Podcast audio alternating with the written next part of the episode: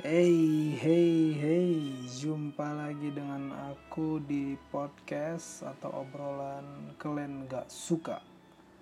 Tapi bisa jadi setelah dengar ini kalian bisa suka sama obrolannya. Aku bingung sebetulnya mau bahas apa nih. Cuman aku mau ngomong aja gitu. Apa aku bahas yang lagi hype banget di kalangan orang-orang ya. Yang katanya umur 20 sampai 25 udah ngasilin apa. Jujur umur aku baru 19 tahun. Cuman kalau menurutku ketika orang bahas itu bukan tentang apa yang udah kita hasilkan tapi proses apa yang udah kita lewati dan apa tujuan kita ke depannya dan rencana apa yang udah kita susun untuk mencapai tujuan itu.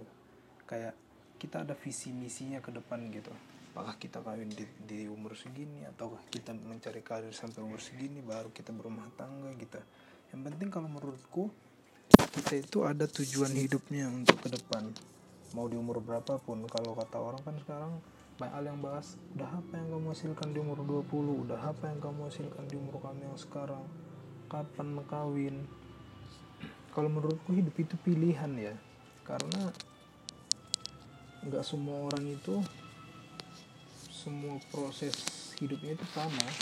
Pasti proses orang dalam melakukan apa pun itu berbeda-beda proses orang dalam menjalani kehidupannya juga berbeda-beda. Ada yang rezekinya mungkin di umur-umur berapa tahun gitu. Ketika umur segini mungkin dia melewati proses-proses yang akan menempah dia menjadi manusia yang kuat untuk menghadapi rintangan-rintangan ke depannya.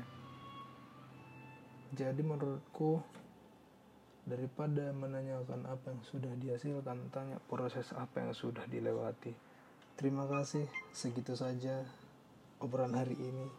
Thank you, see you, share to your friend, bagi ke teman-teman kamu. Jangan lupa dengerin episode-episode berikutnya. See you, bye bye, bye bye, bye bye.